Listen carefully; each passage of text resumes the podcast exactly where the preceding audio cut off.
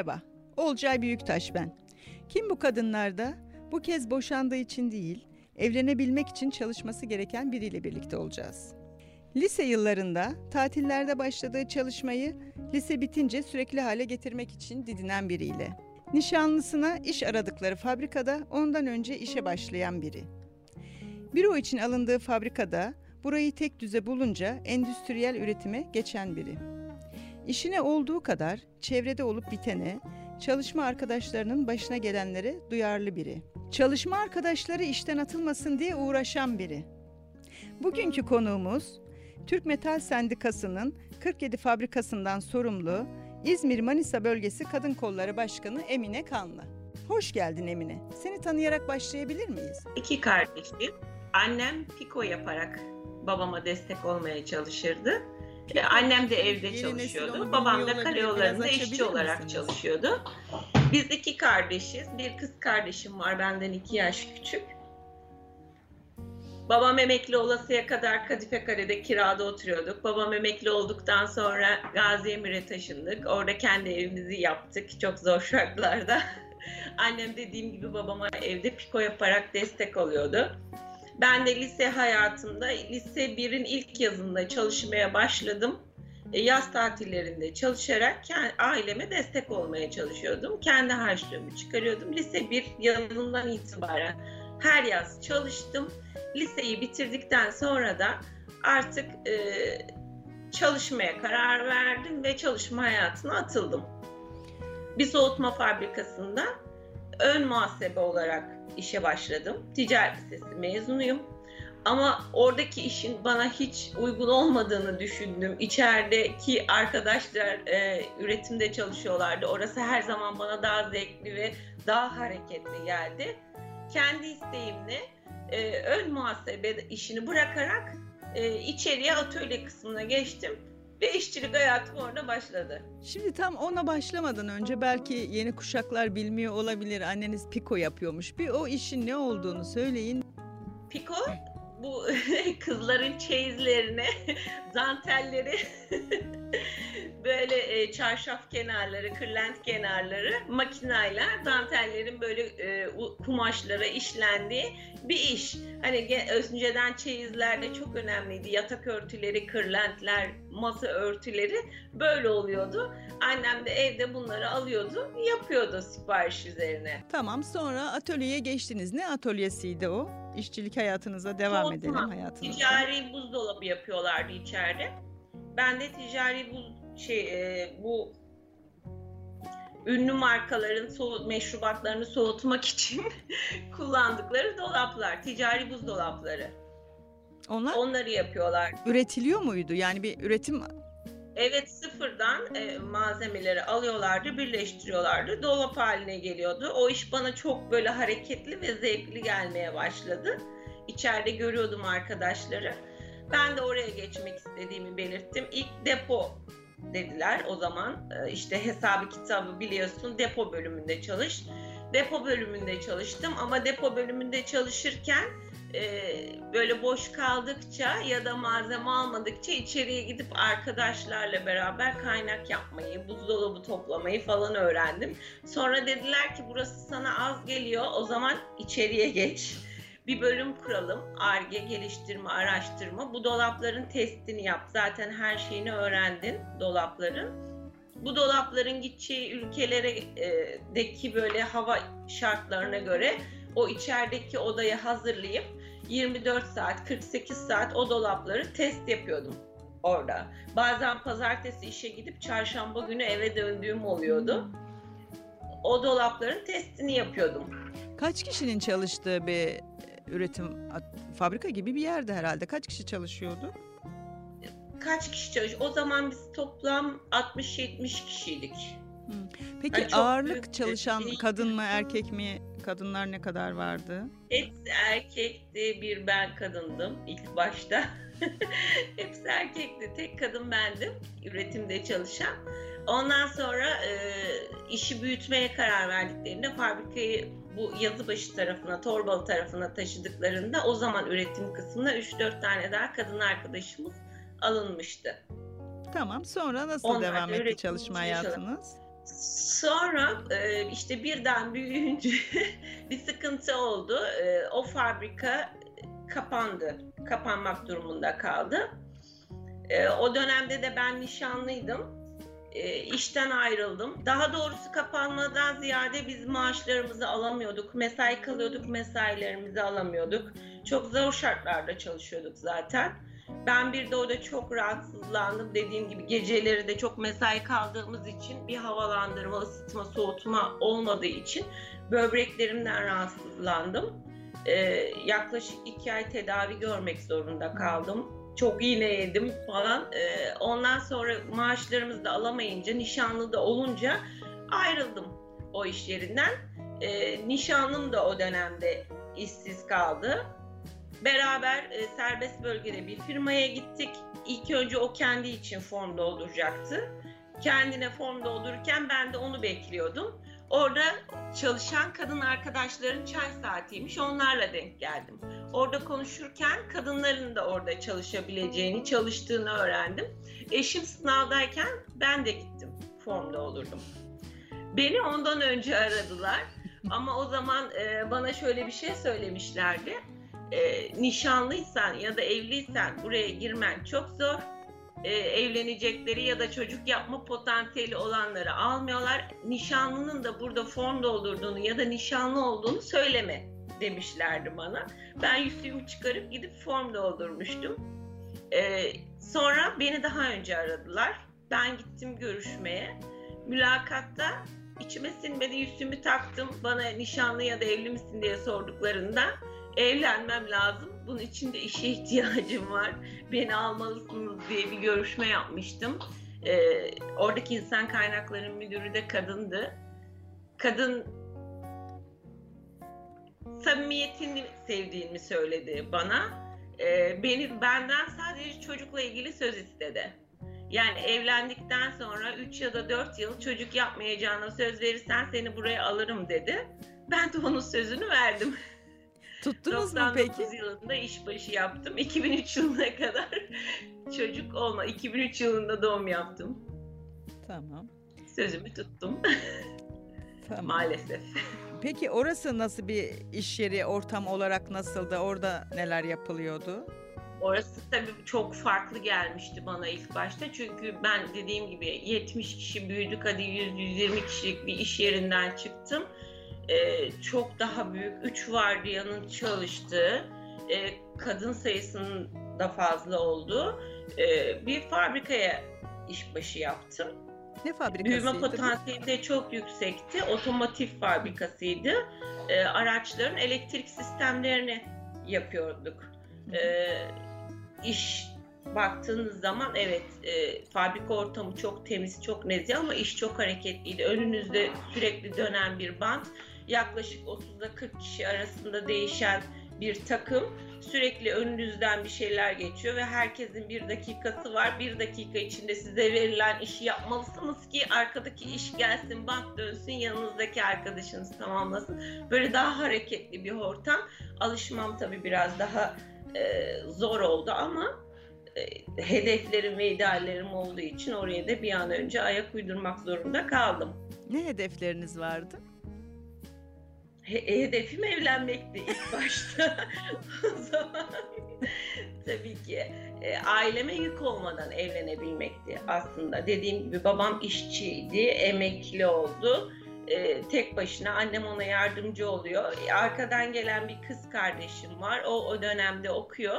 Kendi harçlığımı çıkarıp kendim için ya da ailem için bir şeyler yapabilmekti. O zaman yaşımda tabii 18-19 çok öyle bilinçli de bazı şeyleri düşünemiyorsunuz belki.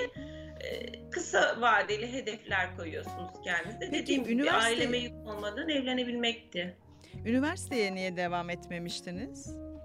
Üniversiteyi çok istedim. Ee, herkes de bana aslında bunu yapabilirsin gözüyle çok bakıyordu, çok güveniyorlardı ama dediğim gibi o anki şartlar benim ailemi gördüğüm, babama destek olma, içimdeki istek.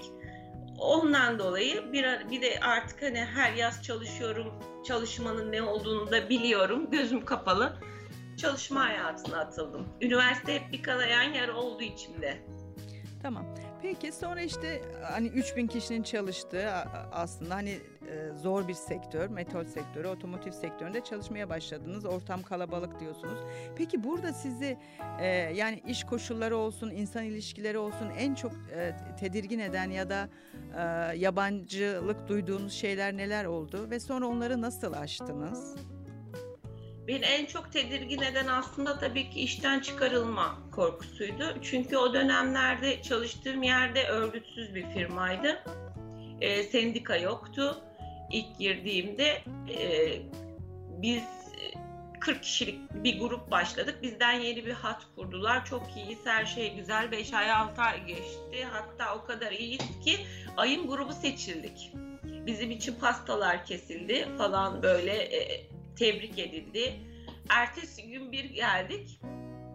Üstünden bir hafta geçti ya da geçmedi. Arkadaşlarım yukarı çıkıyor, geri gelmiyorlar. Yerine başkası geliyor. Böyle joker elemanlar var ortada dolaşan. Yukarı çıkan geri gelmiyor. Yukarı çıkan geri gelmiyor. Hatta sürekli farklı kişiler falan. Ne oluyor derken arkadaşlarımızın işten çıkarıldığını öğrendik. Yani biz 40 kişilik gruptan toplam 7 kişi, 6 kişi öyle bir arkadaş grubu kaldık seçilmiş Diğer arkadaşlarım hepsi sorgusuz sualsiz işten çıkarıldı. Hani kötü çalışıyoruz desek ayın grubu seçilmeyiz. İş başladı, iş bitti, sezonluk gibi iş işte alınıyor, çıkarılıyor derken biz bu kalan arkadaş grubumuzu dağıttılar. O zaman e, fabrika sayı olarak biraz daha azdı. 3000'lere daha gelmemiştik. İki ayrı fabrika vardı. Hattım dağılınca beni diğer fabrikaya gönderdiler çalışmaya. Oradan bir arkadaş işten çıkmış. Daha eski arkadaşların çalıştığı bir yere beni e, verdiler ve orada iş öğrenmeye çalışıyorum. E, tabii orada bakıyorum sürekli bir şeyler oluyor. İnsanlar sürekli kendi aralarında bir şeyler konuşuyor ama ben de yeniyim. Beni tanımıyorlar.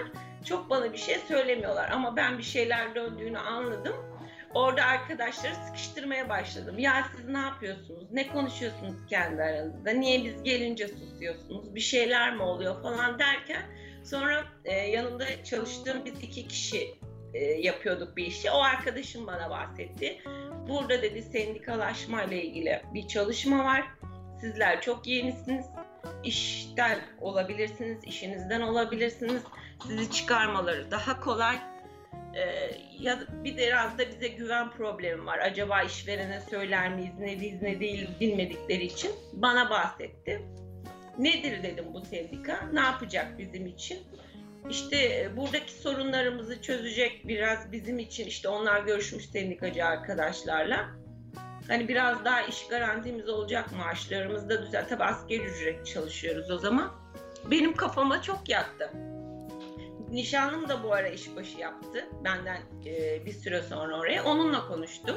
Peki biraz buradaki koşulları anlatır mısınız? Yani günde kaç saat çalışıyordunuz? Kaç vardiyaydı? Hangi saatlerde çalışıyordunuz?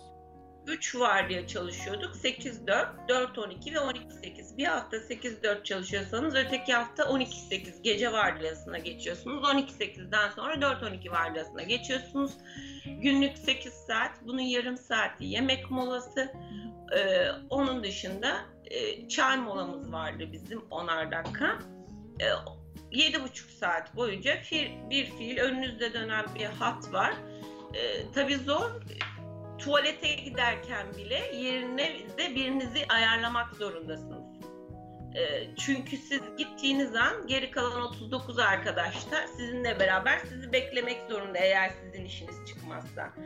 Zordu yani çok zordu e, alışmam dediğim gibi bayağı uzun sürdü o tempoya. Yerimizde birimizi ayarlıyoruz. Bir ihtiyacımız varsa öyle gidebiliyorsunuz. E, kadınların için biraz daha zor olabiliyor bazı e, bölümler. Çünkü çok büyük ya da ağır parçalar olabiliyor. Onları kaldırmak, indirmek. Öyle bir ortamdı. Yani tuvalet ihtiyaçlarının bile biraz sanki sıkıntılı göründüğü bir durum hissediyorum. Doğru mu yani siz? Ya, tabii tabii yani çalışma şartlarında bu böyle. Ee, dediğim gibi hele çalışmak zorundaysanız ya da bununla ilgili bir izlenimi varsa işverin gerçekten her şey çok daha zor.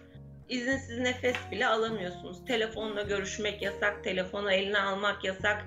söylemeden hattan çıkmak yasak, tuvalete gitmek yasak. Dediğim gibi ille birilerine rica minnet ediyorsunuz. Hele ki aynı anda 3 kişi 4 kişi gidin bir ihtiyacınız olsun. Allah artık e, sıkıntı büyük yani orada. Bu tabii bu şartlar insanları biraz işte zaten sendikalaşmaya yönlendirmiş orada da bakmışlar hani bu böyle gitmez buna bir çözüm bulmak lazım diye. Biz de o vesileyle onlara dahil olmuş olduk. Nişanlımla konuştum. Benim üzen en çok şey aslında şuydu. Diğer ayrıldığım dedim ya çok mesai kalıyordum, günlerce kalıyordum. Hiçbir hakkımı alamadan çıktım. Ne mesailerimi alabildim, ne maaşımı alabildim ne e, kıdem tazminatı, ihbar tazminatı zaten yok. O zaman bir de çok bilinçli değilsiniz. İşçiler hala öyle olduğunu düşünüyorum. Birçok hakkından haberi yok. Bir sürü şeyi hakkımı bırakarak gittim. Orada bana bir aydınlanma geldi bu sendikacı arkadaşlarla. Demek ki bizim hani haklarımız varmış, yapabiliyormuşuz ya da birileri bizim için uğraşabiliyormuş diye. O zaman nişanlımı ikna ettim. Dedim ki biz de sendikaya üye olalım Hani burada zaten bir garantimiz yok. Üç gün sonra bize çıkın deseler gene işsiziz. Ne kaybederiz ki? Gideceğiz gene başka yerde iş bulacağız. Ama hani en azından bu şansımızı denersek bir güvencemiz olur diyerekten e, ben de sendikaya üye oldum. O zaman eşim de sendikaya üye oldu. E, o arkadaşların öncülüğünde başladık. 2001 yılında çalıştığım yere sendikayı soktuk. Geldi. Tabii her şey bizim için çok daha güzel oldu. İlk başta maaşlarımızda iyileştirmeler oldu. Onun dışında iş yerindeki e, bu amir, memur ya da takım lideri pozisyonunda çalışan arkadaşların e, insanlara davranışlarında çok büyük değişmeler oldu. Ha deyince artık böyle e, seni yukarı çıkarıp artık işten çıkaramıyorlardı. Ben 20 yıl çalıştım sonra orada fabrika kapanasıya kadar, şubeye geçesiye kadar 20 yıl eşimle beraber orada çalıştım. Peki orada pozisyonunuz Daha... değişti mi? Hiç bölüm değiştirdiniz mi? Servis değişti. değiştirdiniz İlk başta mi? dediğim gibi üretimde çalıştım, bantta çalıştım. Ondan sonra banttan çıktım. Son kontrol elemanı olarak çalıştım. Ee, daha sonra kesme diye bir alan vardı. Oradaki kabloları kontrol eder misin diye çıktı çıkardılar beni. Yardımcı olur musun kaliteci arkadaşlara diye. Oraya gittim. Sonra orada benim çalışmamdan çok memnun kaldılar. Beni kaliteci yaptılar. Kaliteci olarak çalıştım. Bir süre kalitecilik yaptıktan sonra bana kalite takım lideri olur mu? Kaliteci deyince yani bitmiş ürünlerin son kontrollerini yapıyorsunuz e, herhangi bir sıkıntı yoksa bunu onay veriyorsunuz ve müşteriye gitmeyi sağlıyorsunuz. Eğer bir sıkıntı görürse müdahale edip sıkıntının giderilmesi e, için yol gösteriyorsunuz. Kalitede çalıştıktan sonra 2007 yılın 2003 yılında kaliteci oldum. 2007 yılında da kalite takım lideri olarak çalışmaya başladım. Ama kısa bir süre kalite takım liderliği yaptım. Daha sonra sendikacı arkadaşlar e, tarafından bana iş yeri temsilcisi olur musun e, diye bir teklif geldi. Ben de bunu kabul ettim. İş yeri temsilcisi olarak devam ettim. Sendika temsilciliği yaptım. Tamam. 2008'den 2016. İş yeri temsilcisi olarak peki göreviniz neydi orada? Sendika temsilcisi olarak biz tabii artık fabrikanın alanı da değişmişti. Daha büyük bir fabrikaya taşındık. Ee, gene 3 vardiyaya çalışıyoruz ve eleman sayımız da çok yükselmişti. Buradaki işçi arkadaşlarımızın yani e, sorunlarını dinliyorduk. Bir anlamda işçi ile işveren arasında sendika köprüsün oradaki arkadaşların çalışma şartlarında bir problem varsa onun iyileştirilmesi ile ilgili, arkadaşın bir sorunu varsa çözülmesi ile ilgili. Bizde temsilcilik güzeldi, e, güven de vardı. Biz arkadaşlarımızın her şeyleriyle ilgileniyorduk. Yani çocuğunu doktora götüreceği zaman bile gelip bize hangi doktora götüreyim, doktor ayarlayabilir misiniz? Ya da ailesinden birinin e, sıkıntısı varsa ya da evinde eşiyle yaşadığı sıkıntısı varsa her şeyle ilgileniyorduk biz. Tamam. Ben şeyi merak ediyorum. Peki orada kadın işçilerin ağırlıklı olarak en çok size ilettikleri sorunlar, sıkıntılar nelerdi? Kadın işçilerin en büyük sıkıntısı hala çocuk. Yani e, doğum yaptıktan sonra e, çocukların bakımıyla ilgili bir zorluk yaşıyorlar baktırabilecek birileri varsa e, mutlu yani o insanlar şanslı oluyordu. E, üç vardiya çalışıyorsunuz. Kreş olayı da çok zordu bizde. Genelde bizim orada eşleriyle çalışmaya izin vardı. Yani orada evlenen insanları e, devam edebiliyorlardı. Eşleriyle vardiyalarını ayırmak zorunda kalıyorlardı. Bununla ilgili çok talep geliyordu. Dönüşümlü çocuk bakıyorlardı. Yani biri işteyken biri evde çocukla kalıyordu. E, biri vardiya değiştiklerinde de çocukları yanlarında getirip birbirlerine teslim ediyorlardı. E, ondan sonra tabii e, işbaşı yaptıklarında da e, bize emzirme odası, e, işte bununla ilgili çok iyileştirmeler yaptık. Güzel bir emzirme odası yaptık. E, onlara hijyenik ortam sağlama, dolap, bu tarz şeyler oluyordu.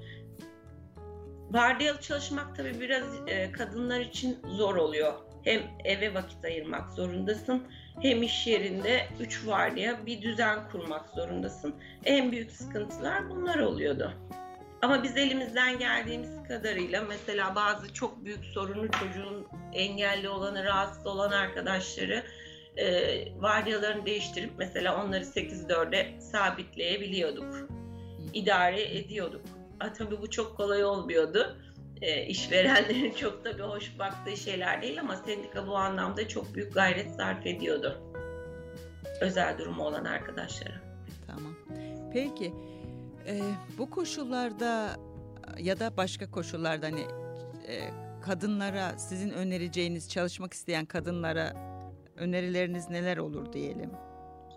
Şimdi biz e, ben çalıştığım ortamda sendikalı olarak çalıştım 2001 yılından itibaren. Dediğim gibi arkadaşlarımızın da birçok sorununa müdahale edip çözüm bulabiliyorduk. Biz aslında şanslı bir azınlıktık baktığımız zaman. Ee, kadınların çalışması gerçekten çok zor. Şartlar çok zor. Erkekler için de illaki öyle ama en şanssızlar bence sendikasız iş yerinde çalışan kadınlar. Onu da şöyle e, söyleyebilirim.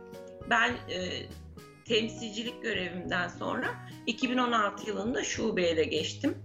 Kadın kolları temsilcisi olarak da hala görevime devam ediyorum birçok örgütlenme çalışmasında yer aldım. Yani sendikasız iş yerlerinin e, sendikayı sokmayla ilgili bir talebi oluyor bize. Arkadaşlar çağırıyor, gidiyoruz, görüşüyoruz falan. Orada birçok kadın arkadaşımla görüşme, tanışma, konuşma imkanı buldum. Onların tabii şartları çok daha zor bizlere göre. Allah yardımcıları olsun diyorum.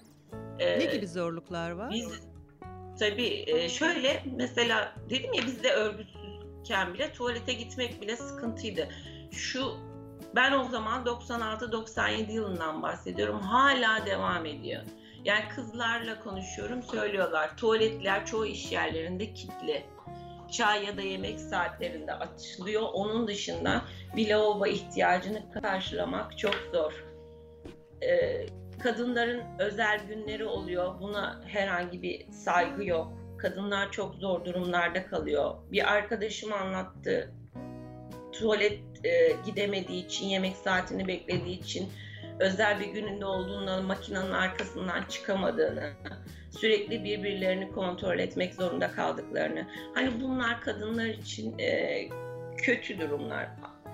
Bu bir bence mobbingtir. Hatta kadınları kendilerini kötü hissettiren aşağılı, aşağılayıcı bir durum. Onun dışında sırf bu da değil. Aynı şey evde de devam ediyor.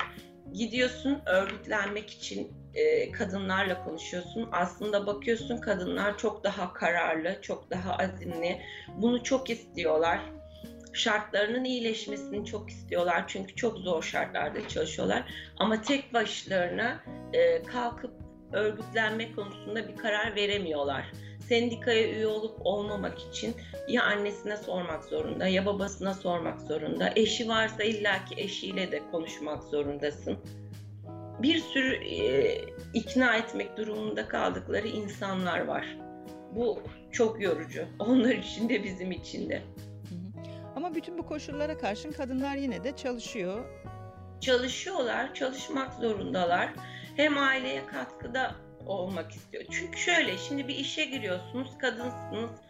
Ee, ne var? Asgari ücret. Maaşınız zamanında yatıyor mu? Yatıyor. Gerçekten diğer şeyler artık önemini kaybediyor. Niye? Ben, ben kendim de anlattım. 99 e, yılında işbaşı yaptığımda bana ilk sorulan şey evli misin, bekar mısın? Ee, ya da çocuk yapmayı düşünüyor musun? Şimdi kadınlar bir iş buldukları zaman artık bunu e, veli nimet gözüyle bakıyor. Buradan çıkıp başka bir yere tekrar kendilerini kabul ettirmek çok zor. Çünkü iş yerleri kadınlarla çalışmak istemiyor. Çünkü şimdi kadınların bazı hakları da var. E, doğum yaptıktan sonra ücretsiz izin hakkı var. Kısa çalışma hakkı var. Süt izni hakkı var. İşveren bunları hep külfet olarak görüyor. Peki bu, bu yüzden sadece sizin metal sektöründe çalışır. mi böyle?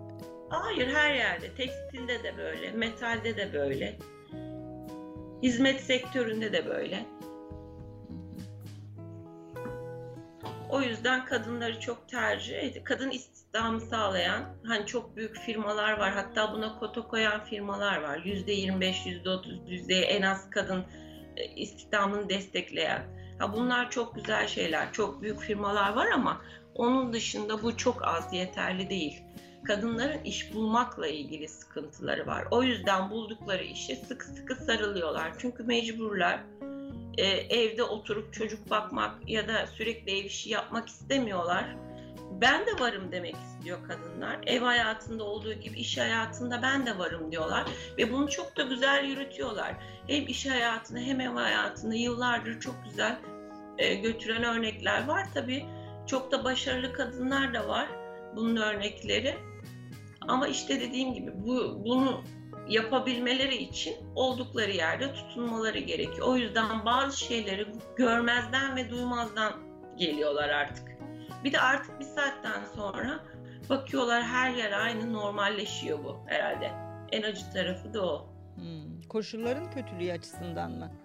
Her yer aynı. Evet yani her yerde koşullar e, kötü. Artık hani askeri ücret, ücretine zamanında yatan kendini şanslı düşünüyor. O yüzden de işinden ayrılmak istemiyor. Peki. Korkuyorlar. Çok teşekkürler. Var mı eklemek istediğiniz bir şey? Kadınlara söylemek istediğiniz bir şey? Kadınlara söylemek istediğim bir şey var. Evet. Çalışma hayatındaki kadınlara sesleniyorum buradan.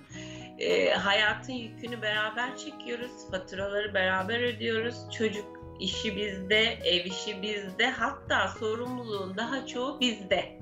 O yüzden biz kendi kararlarımızı çok rahat kendimiz verebiliriz. Yeri gelirse dünyayı bile yönetebiliriz. Sendikaya üye olmak ya da başka bir e, konuda karar vermek için kimseye ihtiyacımız yok.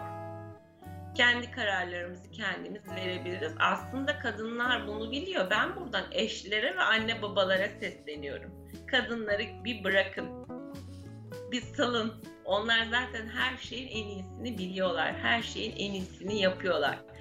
Askeri ücretle 12 saat çalışıp eve gelip yemek yapıp çocuklarını büyütüp topluma hazırlıyorlar. Kendi kararlarını kendileri verebilirler. Emine'ye bu zorlu yolculuğunda başarılar ve kolaylıklar diliyoruz. Yeni bir Kim Bu Kadınlar'da buluşmak üzere, hoşçakalın.